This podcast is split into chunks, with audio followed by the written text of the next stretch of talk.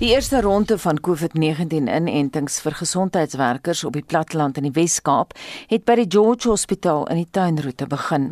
Sowat 600 gesondheidswerkers in die streek sal oor die volgende 2 weke ingeënt word. Tanya Krause doen verslag. Die tuinroete is tydens die tweede COVID-19 golf as brandpunt verklaar.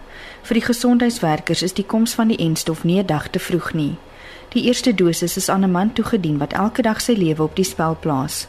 EMS nooddienste se subdistrikbestuurder, Cedric Antolo, sê hy voel nou dat hy diegene rondom beter kan beskerm. Gewoonlik is ek die een wat baie bang is om enige inenting te vat. Maar ek het te my personeel beloof dat ek sal die eerste persoon wees om dit te neem. Die rede daarvoor, ek is die broodwinner in my familie. Ek nodig om hulle te beskerm en die mense rondom my. Die opgewondenheid maar ook kommer was groot onder die gesondheidswerkers. ER24 takbestuurder Shaal Pretorius sê dit was 'n moeilike jaar vir hulle. Ek is opgewonde maar ook senuweeagtig. So ek sê daar was maar baie stories oor die oor die vaksin, maar ek dink dis 'n dis 'n stap in die regte rigting en dis nodig vir ons om hierdie virus te kan oorkom. Die jaar wat verby is, dit was ek dink dit was 'n nagmerrie. Ons het nog nooit so iets beleef in ons lewens nie. Ons het nie geweet wat om te verwag nie. Op die ouens wat op die ambulanse werk, dit was vir hulle emosioneel was dit baie baie erg. Die tuinroete het aanvanklik 320 dosisse ontvang vir die eerste week, met nog wat volgende week verwag word.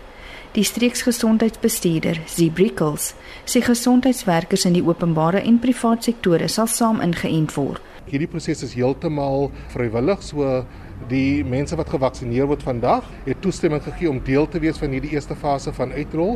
Die eerste fase sluit natuurlik 'n paar siklusse in. Ons begin vandag met siklus 1. As ek so rondkyk en ek sien die glimlag op die gesigte, lyk dit vir my dat hulle is redelik gelukkig en ek dink hulle was baie angstig oor die pandemie en natuurlik nou is hierdie geleentheid hier vir ons om seker te maak ons beskerm ons personeel. Gesondheidswerkers van oor die streek sal oor die volgende paar weke by die George Hospitaal verwelkom word. Ek is Tanya Krause op George. 14 na 7 en nuwe navorsing deur die Durbanse navorsingsplatform CRISP toon dat mense wat die V2 koronavirus variant opgedoen het, 'n vlak van immuniteit daarteen en moontlik ook ander mutasies van die virus ontwikkel het. Wetenskaplikes van CRISP het die nuus gister tydens 'n media-konferensie bekend gemaak. Nou hierdie variant wat aanvanklik in Suid-Afrika opgespoor is, word nou ook in 48 lande aangetref en dit het 9 verskillende mutasies. Justin Kennerly het meer. CRISP het tesame met die Instituut vir Oordraagbare Siektes en verskeie universiteite reg oor die land toetse gedoen op bloedmonsters van mense wat met die oorspronklike COVID-19 virus en die nuwe variant geïnfekteer is. Hulle het bevind dat die 501Y.42 variant homself kan neutraliseer van ander variante wat dit dus 'n vlak van immuniteit gee. Professor Penny Moore is van die Instituut vir Oordraagbare Siektes. We saw a substantial loss of neutralization, a nine-fold reduction in average titer, which is essentially a measure of how well neutralizing antibodies can prevent a virus from infecting a cell. So what this means is that is that the neutralizing antibodies elicited by the new variant are somehow different in their ability to be able to recognize not only their own virus but also other viruses. This is potentially good news. Unlike the, the antibodies that were triggered by the original variant, these antibodies seem somehow to have a little bit more breadth. Span wetenskaplikes van CRISP het verlede jaar die variant opgemerk. Die direkteur van CRISP, professor Tulio de Oliveira, sê die nuwe inligting dra die sleutel om die nuwe variante te beveg. Genomic surveillance is a critical component of the epidemic response. One thing that we show now the new results, the plasma collected from people infected with the variant has good neutralizing activity against itself, but also against the first wave virus and potentially other variants of concern. It means that people infected may have some immunity against the variant and other lineages, but it also means that we know that immunity can decrease over time. So in no way we are saying that these people shouldn't be vaccinated. The opposite. Everyone we should try to increase vaccination to avoid that very deadly third wave. Die mede-voorsitter van die COVID-19 advieskomitee, professor Salim Abdul Karim, sê dat die inligting gebruik kan word om 'n enstof te ontwikkel teen die 501Y.42 en ander toekomstige variante.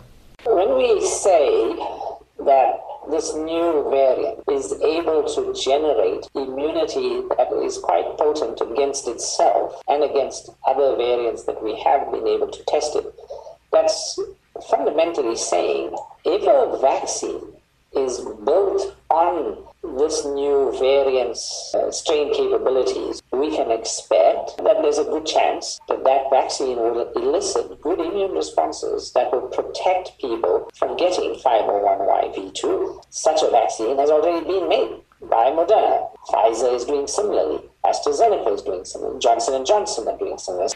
Wetenskaplikes waarsku dat nog COVID-19 variante sal vorm. Professor De Oliveira sê dat Suid-Afrika oor die kennis beskik om nuwe variante op te spoor en dat die regering 25 miljoen rand aan CRISP gegee het vir verdere genomiese navorsing oor die eienskappe van die variante. Hierdie verslag deur Perbasni Moodley en ek is Justin Kennedy vir SI Garnis. En ons bly by die storie en praat nou met die siektebeheer spesialis aan Driemal Hospitaal in Bloemfontein, eh, Dr. Kloete van Vier en goeiemôre. Môre Anita. Kloete, daar's baie waninligting wat nou versprei word oor die variant. Hoe gebeur dit dat so 'n variant ontstaan? Verduidelik vir die leek.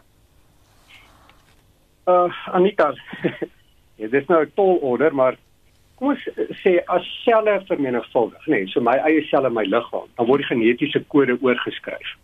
En as jy nou dink dit is so 'n monnik wat daar in 'n klooster sit en 'n in 'n boek oorskryf en dit word geproef lees en as daar foute is, word dit reggemaak en as 'n fout op 'n bladsy skeer hom uit en skryf hom oor. Dis nou 'n menslike genetiese kode oorgeskryf word. Maar met 'n virus is dit nou hierdie klomp junior monnike wat daaronder om 'n vuil kom bystafel sonder toesig sit en 'n advertensieblaadjie kopieer en hulle maak sommer duisende van dit op 'n dag. Ehm um, en as daar net te veel foute op is, dan vrek die virus nou sommer en hy daar gebeur niks met hom nie. Maar hier en daar maak 'n ouer fout en hy en hy skryf 'n woord oor wat 'n uh beter sinoniem is vir die woord in die oorspronklike advertensie. En nou begin almal daardie uh blaadjie van hom kopieer. So hierdie virusse maak hierdie foute as hulle oorskryf. Uh as dit 'n fout is wat die geen voordeel het nie of of wat die wat die ding laat doodgaan, dan verdwyn dit nie. As daar voordeel is, dan word hierdie een die nuwe virus wat versprei en gekopieer word. Ehm um, en ons sien dit dat reg oor die wêreld ontstaan hierdie selfde mutasies maar. Dis net die geassosieerde mutasies wat ons wys dit in 'n ander deel van die wêreld uh ontstaan en dit gebeur maar hoe meer virusse gekopieer word. So dit wil sê uh as ek 'n miljoen virusse het en jy het 10 miljoen virusse as jy infeksie het, so die kans dat jy 'n mutasie kry baie groter en hoe meer mense daar is, nee, met die piek het ons wat 16000 gevalle gehad per dag uh, nou het ons net so oor 1000. Mm. Hoe meer virusse, hoe groter die kans dat daar oorskryffout gemaak kan word en dat dit dalk 'n voordeel vir die virus inhou en hy en hy loop neem. Dit is daar is daar 'n verskil tussen 'n variant en 'n mutasie, is maar dieselfde ding. So Gustav intelligente ou sien nou hierdie vraag net gesê het volgende vraag maar kom ek probeer dan. Ehm um, so hierdie storie met variante. Kom daar meer, jy weet hulle praat eintlik van lineages, nee, so hulle besluit wie is die stamvader van die virus, die oorspronklike virus in in China. En dan kry jy die afstammelinge. So dis my oupa, my pa, dan sit ek, my seun en miskien eendag sy kinders. Dis een lyn. Maar my boetie is dieselfde lyn, maar hy is nou in Amerika met 'n Amerikaanse vrou getroud. Sy seun praat Afrikaans. So sy het hy begin 'n nuwe lyn, maar die gedrag is nog dieselfde, maar ek kan jou verseker sy kleinseun gaan die Afrikaans praat. Nou het hy ander gedrag begin openbaar en dan praat ons net om tussen wetenskaplikes te kommunikeer van 'n nuwe variant van sy gedrag is anders. So dit is nie oor hoeveel mutasies daar is nie. Dit gaan eintlik daar is die gedrag anders. Mm Klute hoe bepaal wetenskaplikes dat 'n nuwe variant wel gevorm het? Ja, so dit dit is ook maar baie arbitrêr, nê. Nee, en dit gaan daaroor het die gedrag verander. So versprei dit makliker. So ons het hierdie een in Suid-Afrika wat daar was waar was 'n klomp wat versprei en skielik neem dit net alles oor. Is dit meer aansteeklik? Is dit meer dodelik? Werk die vaksines en die antiliggame nie? Uh so daar's die toetse wat ons gebruik ehm um, tel nie meer die ding op nie. So dit is 'n klomp goed wat die gedrag van die virus verander en dan sal hulle praat van 'n nuwe variant net om dit maklik te maak om te kommunikeer tussen mekaar. Mm. Jy verwys nou vinnig daarna, maar hoe gebeur dit dat een vervaardiger se enstof minder doeltreffend is teen so 'n COVID-19 variant as 'n ander vervaardiger se? Want dit is ook nie noodwendig nie. Ja, jy weet Gustav, as jy nou sê die virus is nie 'n slot en die antiliggaam is hierdie sleutel wat in die slot inpas. So jou liggaam maak 'n hele klomp sleutels, bietjie dunner en bietjie dikker en party pas goed in die slot en party minder goed. Dan het jy ook die die platform van die vaksin hè, uh wat hulle dit opset wat maak of jy meer of minder sleutels maak. Ehm um, so die die vervaardigers kies almal 'n verskillende platform wat meer party bietjie meer antiliggaam maak as ander en dan die stukkie van die virus wat hulle op die platform sit ehm um, verskil ook almal 'n bietjie van mekaar. En nou met hierdie nuwe variant pas hierdie sleutel van party en stowwe net 'n bietjie beter op dit. Party se sleutels lyk presies dieselfde as die ander, maar dit baie meer sleutels. So jy kan 'n paar sleutels afbreek tot jy een kry wat wat werk. Ehm um, ek dink dit is maar die konsep waar dit werk, maar dis nie baie beter en minder beter nie. En ek dink ons moet duidelik vir mekaar sê. Ehm um, hierdie is antiliggaamtoetse wat ons na kyk die immuunstelsel is baie meer kompleks as dit. Hmm. Met selle en chemikalieë en alles wat saamwerk. En op die stadium nog, lyk dit of al die instop ernstige siekte en dood voorkom. Die matige infeksies nie so goed nie. Maar ernstige siekte en dood voorkom dit almal. So hulle werk, maar almal nie ewe goed. As jy pas by ons aangesluit het, jy luister na Monitor en ons praat met die siektebeheer spesialis aan Driemal Hospitaal in Bloemfontein, Dr. Kloete van Vuren. Kloete, wat is jou reaksie op die nuus dat mense moontlik beter weerstand kan bied teen COVID-19 as hulle die nuwe variant opgedoen het? En ek sê ja, dit dit, dit kom nou maar weer neer op hierdie sleutel en slot storie. So as jy 'n ou slot het met 'n lekker dik sleutel wat daar ingaan en hom oopsluit. Dit is die ding wat ons aanvanklik in die land gehad het. Hierdie nuwe variant het nou so verander met 'n moderner slot wat 'n bietjie 'n smaller sleutel het. Die sleutel lyk nog dieselfde, maar hy's 'n bietjie smaller. Nou pas daai ou antiliggaam, die ou sleutel pas nie in hierdie slot die virus nie. Die dunner sleutel wat die nuwe slot in werk is dun genoeg en hy pas ook in die in die uh ou virus in maar hy sit nou nie so styf nie. So dis nie heeltemal waar dat dit beter werk nie, maar as jy die ou virus se antiliggaam het, werk dit eintlik glad nie in die nuwe virus nie. Maar die nuwe virus se werk nie so goed nie, maar hy werk eintlik teen al hierdie ander variante. Ehm um, en dis nou maar hierdie sleutel en die slot analogie wat ek het probeer verduidelik. Daar's 'n ander interessante ding, uh hulle meen 'n enstof wat vervaardig word uh wat nou spesifiek vervaardig word vir hierdie V2 variant van uh, wat in Suid-Afrika eerste ontdek is, baie meer effektief sal wees teen die ander variante en die oorspronklike. Hoe werk dit? Ja. Is, is dit jy sleutel in 'n slot daarvoor? Ja.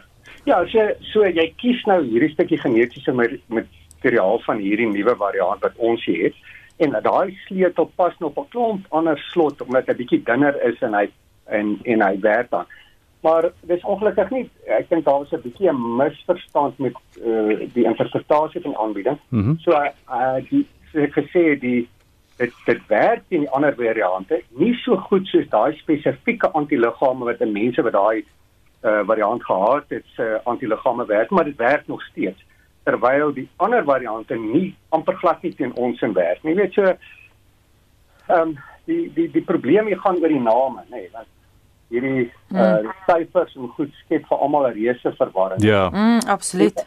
Interessant is waar dit vandaan kom net as ja, ek nee, ek moet seker nou nie te ver afdwaal nie. Maar die die syfer daar op 'n stadium het hulle siektes genoem na die plek waar dit ontdek is. Die West-Nile virus, slengtaalkoors, skrimp, Kongo koors. Ja. Ehm um, en toe het hulle begin voel maar dit stigmatiseer daardie plekke. Mm. Um, en jy kan dit nou nie meer doen nie. En Julle het onthou aanvanklik gepraat van die Suid-Afrikaanse variant en die Engelse variant en die ja. Brasiliaanse variant en daar het 'n reuse ding ontstaan as jy maar hulle stigmatiseer ons nou met hierdie ding en nou mag ons nie meer reis nie en niemand wil weer hiernatoe kom nie. Ehm um, en ons mag nie daarvan praat nie. En nou het hulle en daar's verskillende van hierdie syfer om die goed te benaam, maar daar's verskillende rekenaars wat hierdie virusse analiseer. Ehm um, en dis nou waar al hierdie verskillende goed vandaan kom, maar ek dink vir my en jou skep dit reuse verwagting.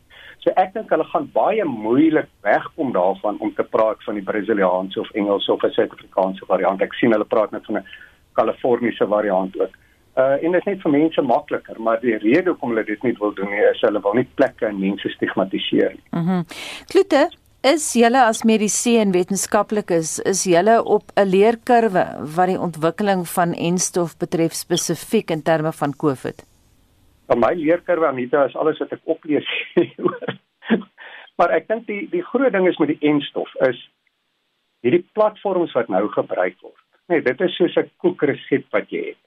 Daai platforms is baie goed ontwikkel en jy het nou eintlik 'n koek wat amper vlaate vry is.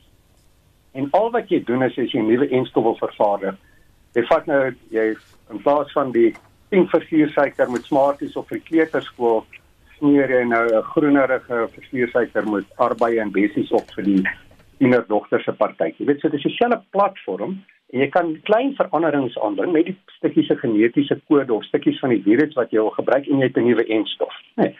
En en dit bring jou nou by die volgende ding is uh hoe maklik is dit om nuwe enstof te ontwikkel teen hierdie virus. Dit gaan baie baie korter vat. Ek dink Moderna se is reeds klaar. Pfizer se dink ek is amper uh reg om getoets te word. Ehm um, AstraZeneca het reeds hierdie nuwe variant van ons uh, se stukkie in hulle enstof gesit.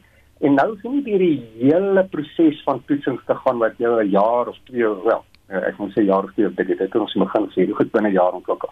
Ehm um, maar jou platform is daar, jy verander die ding en dit gaan baie kort wees nou.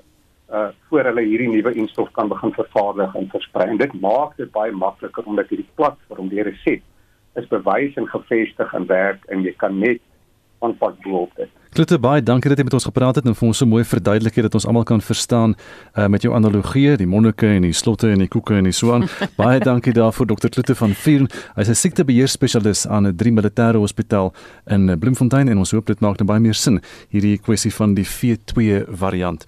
Nou die poskantoor het 'n nuwe stelsel ingestel om die wagtyd te verminder vir begunstigdes wat hulle spesiale COVID-19 toelaag van R350 gaan afhaal. Die poskantoor se woordvoerder, Johan Kreer, sê die uitbetaling van die toelaag vind op spesifieke dae plaas. Die stelsel is reeds in werking in die Oos-Kaap en Gauteng en hy word nou ook in die Vrystaat, die Noordwes-provinsie, Mpumalanga en Limpopo ingestel. Die stelsel beperk die hoeveelheid mense wat elke dag by 'n poskantoor opdaag en dit maak dit baie makliker vir kliënte om sosiale afstand te handhaaf. Dit maak ook seker dat die poskantoor al die mense kan uitbetaal wat op 'n gegeewe dag vir hulle toelaag opdaag. Elke dag van die week is op sy gesit vir spesifieke begunstigdes afhangende van die laaste 3 syfers van hulle identiteitsnommer. Die eerste week van die maand is op sy gesit vir die uitbetaal van ouderdomspensioen, ongeskiktheidstoelaag en kindertoelaag en al die ander weke van die maand is vir die uitbetaal van die R350 toelaag gereserveer. En watter veiligheidsmaatreëls is daar om te verhoed dat mense nie COVID-19 kry nie? Poskantoor het ook twee toue by al sy takke ingestel. Een tou is vir mense wat hulle R350 kom afhaal. Die ander tou is vir al die ander transaksies. En dit maak seker dat niemand onnodig lank hoef te wag nie. Ons het ook mense aangewys om om te sien na die tou en seker te maak dat almal wat opdaag vir hulle toelaat op die korrekte dag daar is en dat almal die reëls nakom wat die verspreiding van COVID-19 aanbetref so sosiale afstand laat hulle hulle hande skoon maak voor hulle by die poskantoor ingaan en dat hulle die hele tyd 'n masker op het. Nou op maandag is mense wie se ID-nommers eindig in 083 en 088 aan die beurt. Op Dinsdag is dit 084 en 089. Op Woensdag is dit 080 en 089. Donderdag is dit 081 en 086. Vrydag is dit 082 en 087. Die stem van Johan Kreer, die poskantoor se woordvoerder, en hy het met Vincent Mofokeng gepraat. En so van daai SMS'e gepraat. Eh, ek sien jy lyk baie geïnteresseerd in jou jou terugvoer soos wat jy nou gaan deur die bladsye om te lees. Wat sê uh, mense oor ja, vet? Ons ons wil mos nou vanoggend weet of mense sukkel om van hulle oortollige vet ontslae te raak. Ehm um, en of hulle al bog belofte produkte gebruik het wat net al beursie eerder as 'n lyf verskraal het. Hier is 'n paar stemnotas. Ek is nogal redelik fik so, jy weet, en baie aktief. Maar die probleem is net jy weet hy feetjies om die maag en so aan, want wie kan nou nie dankie sê vir 'n lekker choppie op die kolle. Kevin nou anderste. Er is hele praat van vetgeit vandag. Ek is self aan die uh vetkant. Maar 'n goeie oefening wat ek kry is baie loop, loop en hardloop en rondom die huis. So vat die honde uit vir 'n draf in die oggende om net by hulle mag nie eintlik uit die jaar te gaan nie, maar hulle vat ek vat hulle 'n draf om die om die huis in die oggende. Van William in den in Ikroleni. Ja mense, ek wil maar net vir indig. Ek is ook so 'n bietjie oorgewig. Maar ek het vir my nou gewigte aangebring, 5 kg gewigte. Elke oggend as ek opstaan, doen ek maar my exercise en ek probeer maar deur die dag as ek honger raak, maar so 'n vruggie eet, maar ek probeer maar net ook nie te veel te eet nie. David hier van Stelly. Ek is daarvan heilig oortuig dat as liggaamsopvoeding as 'n vak weer sy regmatige en volwaardige plek in die skoolkurrikulum opset gaan inneem, gaan ons begin kweek aan 'n gesonde, produktiewe, aktiewe, lewenslustige jeug en 'n volkie waarvan ons die vrugte ook in die ekonomie gaan pluk. My naam is Ismay Ababardien. Vanmôre wil ek so 'n bietjie spog met my ander helfte. Hy was die 26 Januarie 76 en ons is eers komende Saterdag die 6de 50 jaar getroud. En glo vir my, sy college blazer wat hy gedra het op Oudtshoorn gekry het op Oudtshoorn toe hy daar was, pas hom nog perfek soos 'n handskoen. Dit selfdissipline en reg eet wat vir hom daardie lewe laat behou het. En dan sê Cecilia Marsin Ferreira nee, sy bestee ook nie geld op sulke produkte nie. Eet net minder is haar raad aan luisteraars. Uh, Susan van Dijk sê ek en my man het by Run of Walk for Life aangesluit in Augustus 2019 en ons kyk net een dag terug nou en stap gemiddeld 5 km 'n dag en ons het reeds saam meer as 50 kg verloor. Sy sê nou nie Anita wie van die twee die meeste verloor nie. En dan 'n boodskap van Iwet se lewe wat sê ja, ek sukkel in gedurende lockdown moes ek boonop almal se gebak proe en ek het al hoop die eetpille en strope probeer maar dit help net niks nie. Al wat regtig help is om net alles stysel en suiker uit te sny. O wee dit sukkel maar sê sy. En dan 'n laaste een van Cecile Rousseau wat sê sny die suiker verfynde koolhidrate en alle verwerkte kosse wat ook baie versteekte suiker bevat uit jou dieet uit. Drink ook meer water. Wat jy in jou mond sit gaan bepaal wat die skaal sê. Mm. Dis nou so 23 minute voor 8 en baie dankie vir die SMS daar die Groot Karoo. Is iemand wat sê so 20 km voor Drie Susters aan die Koelsberg kant het daar 'n trok geval en hy lê sleg. Dis nou op die N1 deur die Karoo vanmôre. Nou van die Karoo na wêreldnuus gebeure en Estie de Klerk sluit nou by ons aan. Ons begin in Myanmar waar ten minste 38 mense gister dood is. Die Verenigde Nasies beskryf dit as die bloedigste dag sedert die staatsgreep op die 1 Februarie begin het. Môre Estie Môre Gustaf, ja, meer as 50 mense is reeds dood en meer as 1200 mense word aangehou en dis nou sedert die staatsgreep op die 1 Februarie begin het.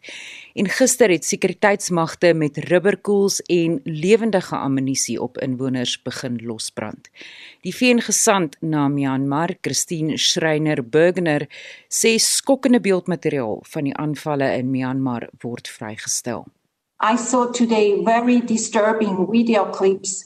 Uh, one like was a police uh, beating a volunteer medical crew. They were not armed. Uh, another video clip, a protester was taken away from police and they shot, shot him uh, from very near, maybe only one meter. He didn't resist to his arrest and uh, it seems that he died on the street. Sy sê sy het gesukkel om toegang tot die land te verkry met die weermag wat gesê het sy sal eers welkom wees daar wanneer hulle ondersoeke na beweringe van verkiesingsbedrog afgehandel is en eers wanneer hulle protesoptrede onder beheer het wat hulle as ongehoorsame gedrag beskryf het. We know that several countries already took bilaterally sanctions but it's clearly up to the member states to decide what kind of measures they will take further. And we know I had discussion with the army and I warned them that member states and security council might take huge strong measures and the answer was we are used to sanctions and we survived those uh, sanction time in the past when I also warned they will go in uh, an isolation, they, the answer was we have to learn to walk with only few friends. Sy gaan môre met die VN se Veiligheidsraad agter geslote geslote deure vergader en Rusland en China sal ook daar wees en hulle het dit duidelik gemaak dat die staatsgreep en ontwikkelinge in Myanmar 'n interne saak is en dat die res van die internasionale gemeenskap Myanmar se soewereiniteit moet respekteer. En nou verskuif ons die fokus na die internasionale strafhof wat 'n ondersoek begin het na beweerde oorlogsmisdade in Palestynse gebiede. Ja, dit sal kyk na gebeure in die Israeliese besette Wes-oewer, Oos-Jerusalem en die Gaza-strook sedert Junie 2014. Die hof wat in Den Haag gelees het verlede maand beslis dat hy sy strafregtelike jurisdiksie oor die gebiede kan uitoefen. Palestina het die beslissing verwelkom, soos 'n senior regeringsbeampte, Jibril Rajoub hier beamoen.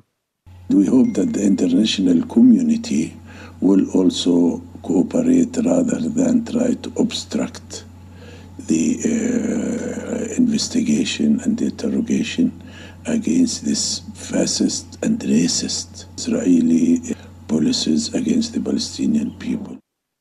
Maar Israel het die beslissing verwerp. Hier is Israel se eerste minister Benjamin Netanyahu. Without any jurisdiction, it decided that our brave soldiers who take every precaution to avoid civilian casualties against the worst terrorist in the world who deliberately target civilians. It's our soldiers who are war criminals.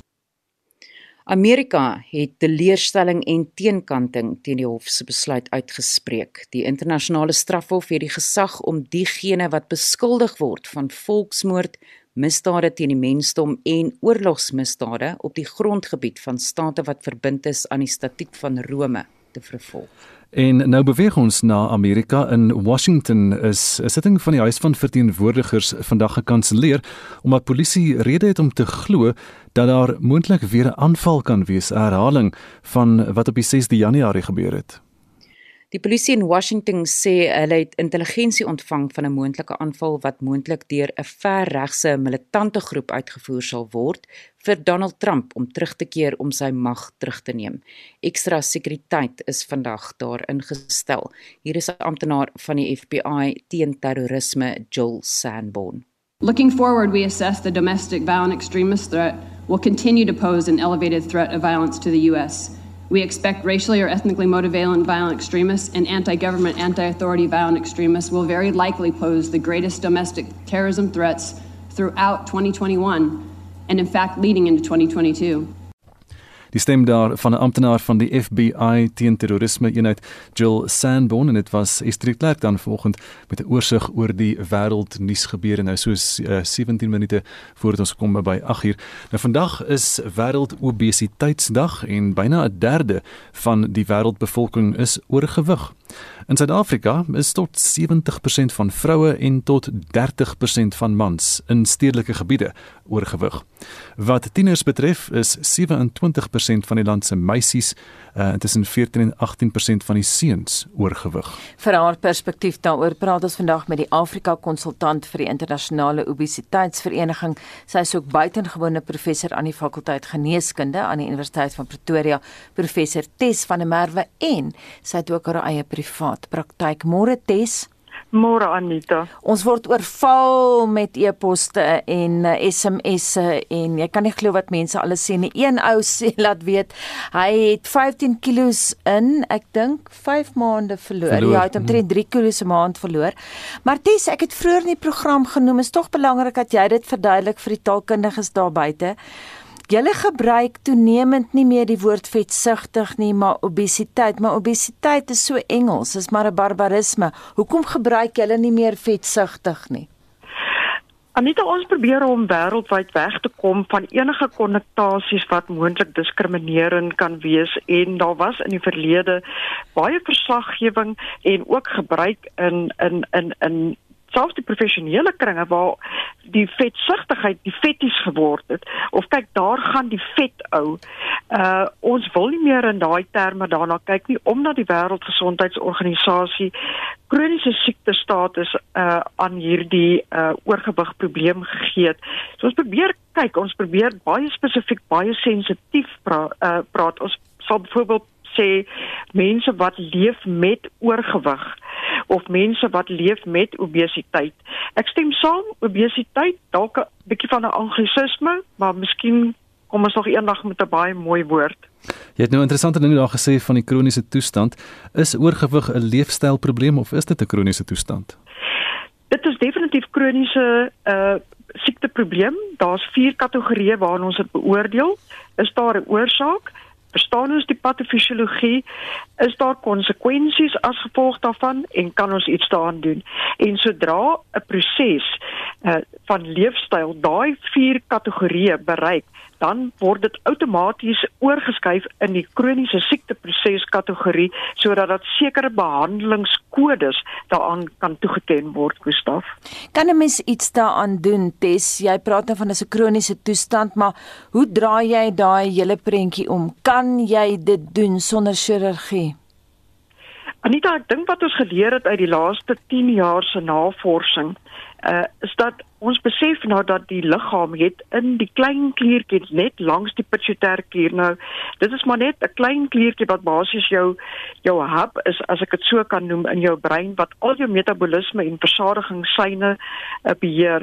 Maar hy het 'n setpunt en hy stoor ongelukkig vir ons as mens jou vorige hoogste gewig sodra jy oorgewig was of die genetiese vatbaarheid het en dit maak baie moeilik vir enige van die mense om 'n uh, dieet volhoubaar te maak want sodra jy meer as 5 tot 10% gewig verloor dan sal dit geïnterpreteer word as 'n liggaamsetpunt 'n noodsaaklike liggaamsetpunt wat nou onder bedreiging is.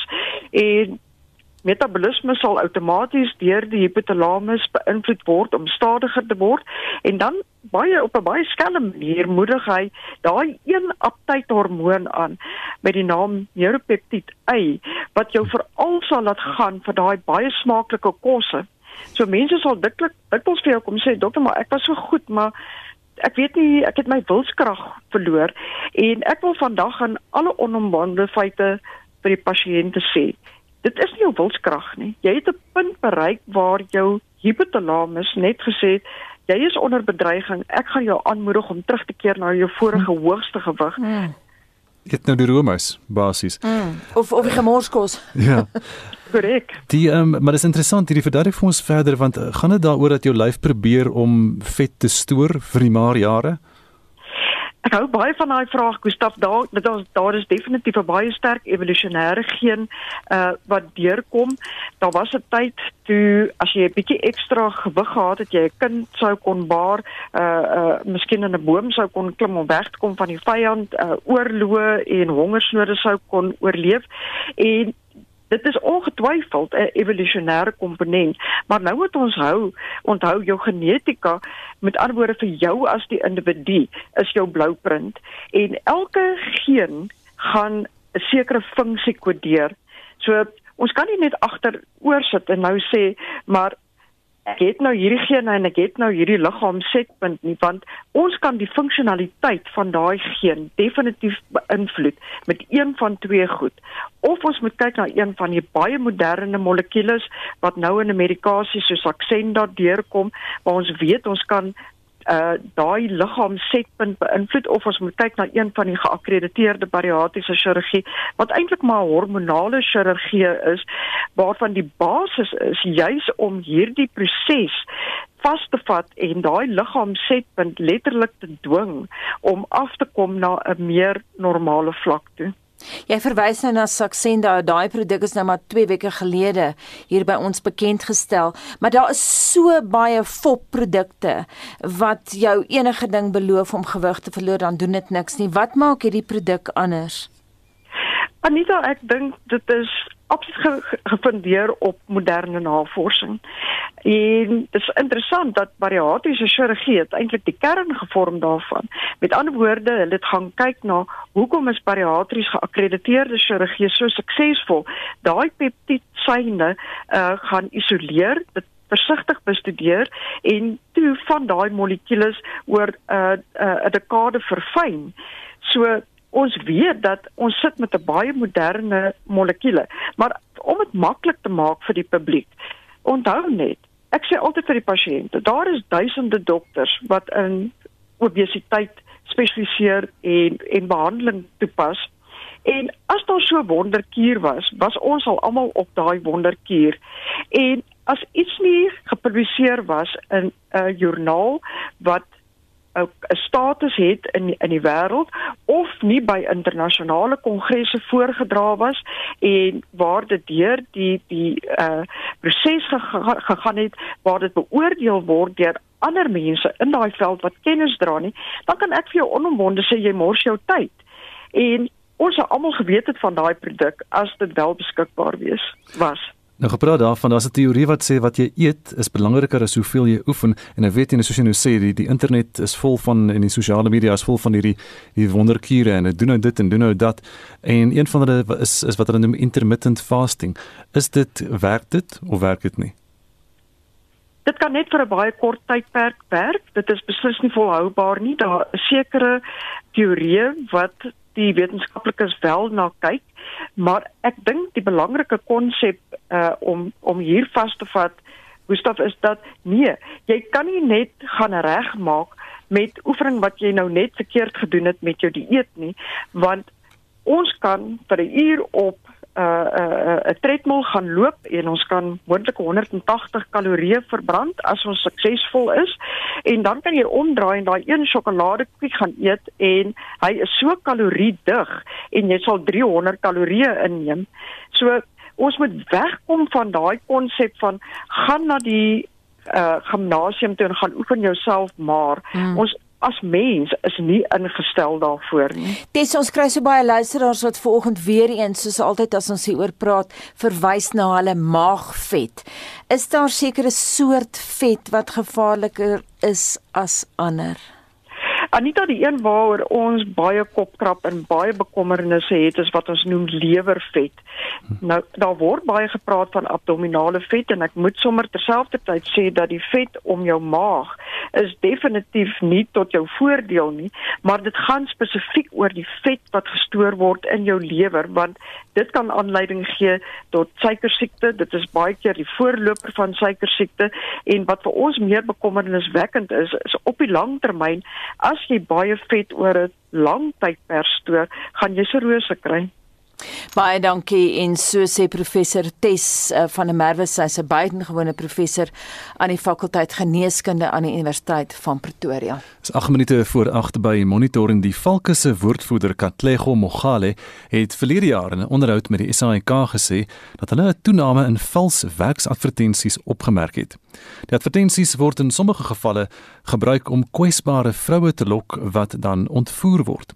Die organisasie Code for Africa het onlangs 'n platform bekend gestel wat daarop gemik is om enige verdagte werksplasings na te gaan om seker te maak dit is nie vals nie.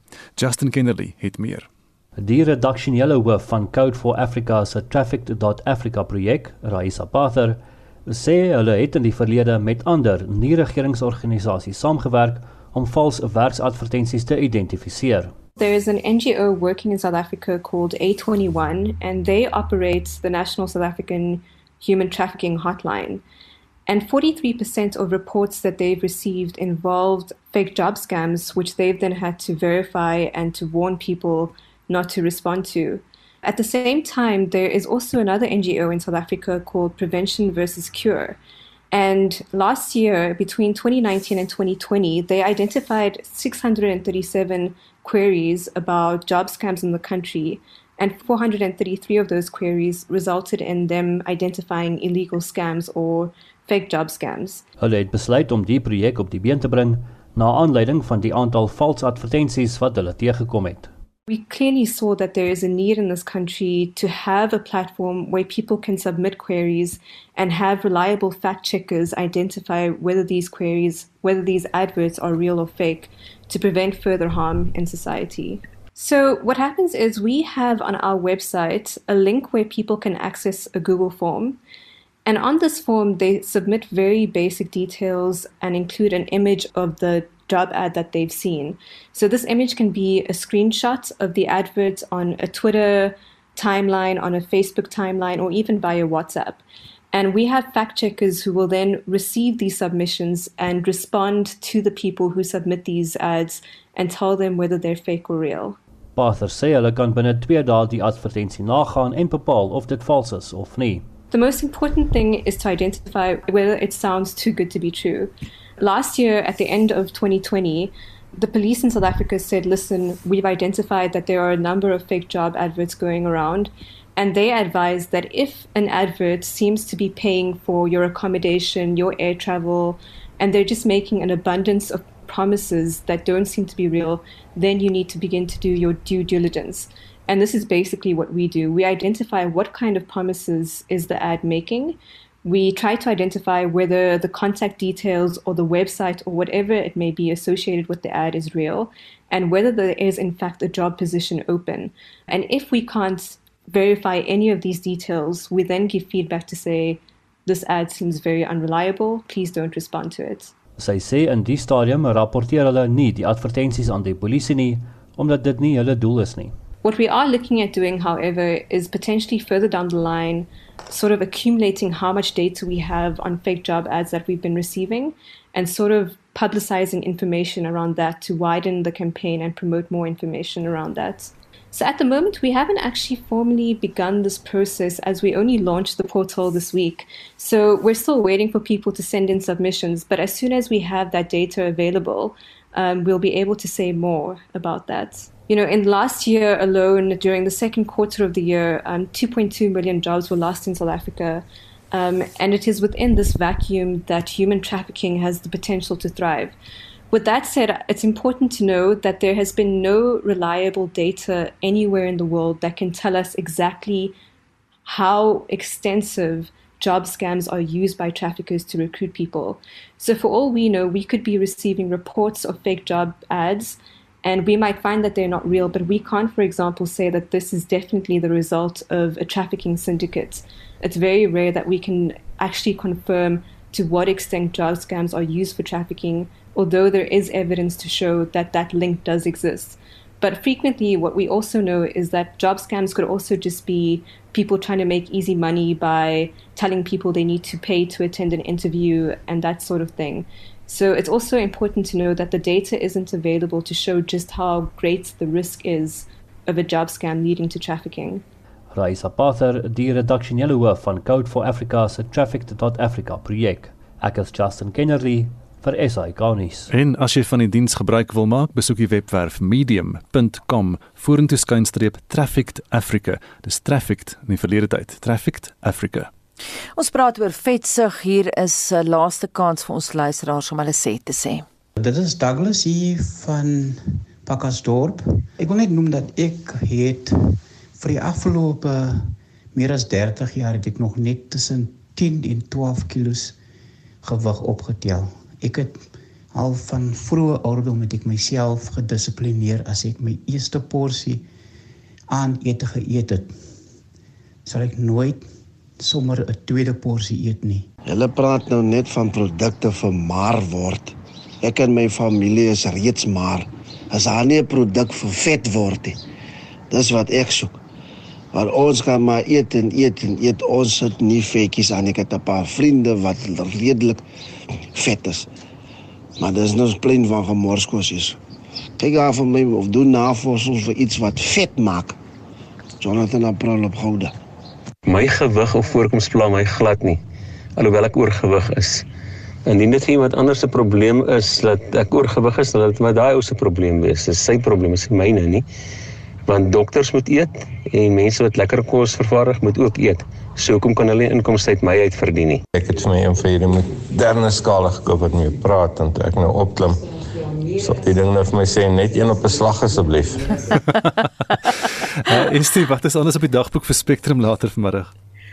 'n groot aantal krokodille van 'n kommersiële krokodilplaas by Bonnievale in die Breë Rivier Vallei word vermis en die staatskapingskommissie hoor steeds Eskom verwante getuienis aan en daar's 'n nuwe amnestieperiode vir vuurwapeneienaars op die kaarte. Skakel in vir Spectrum tussen 1 en 2. Daar's mense wat ons vra oor die pot gooi want hulle het wil luister na 'n tes van 'n Merwe se gesprek en ook vroeër kloete van vuur.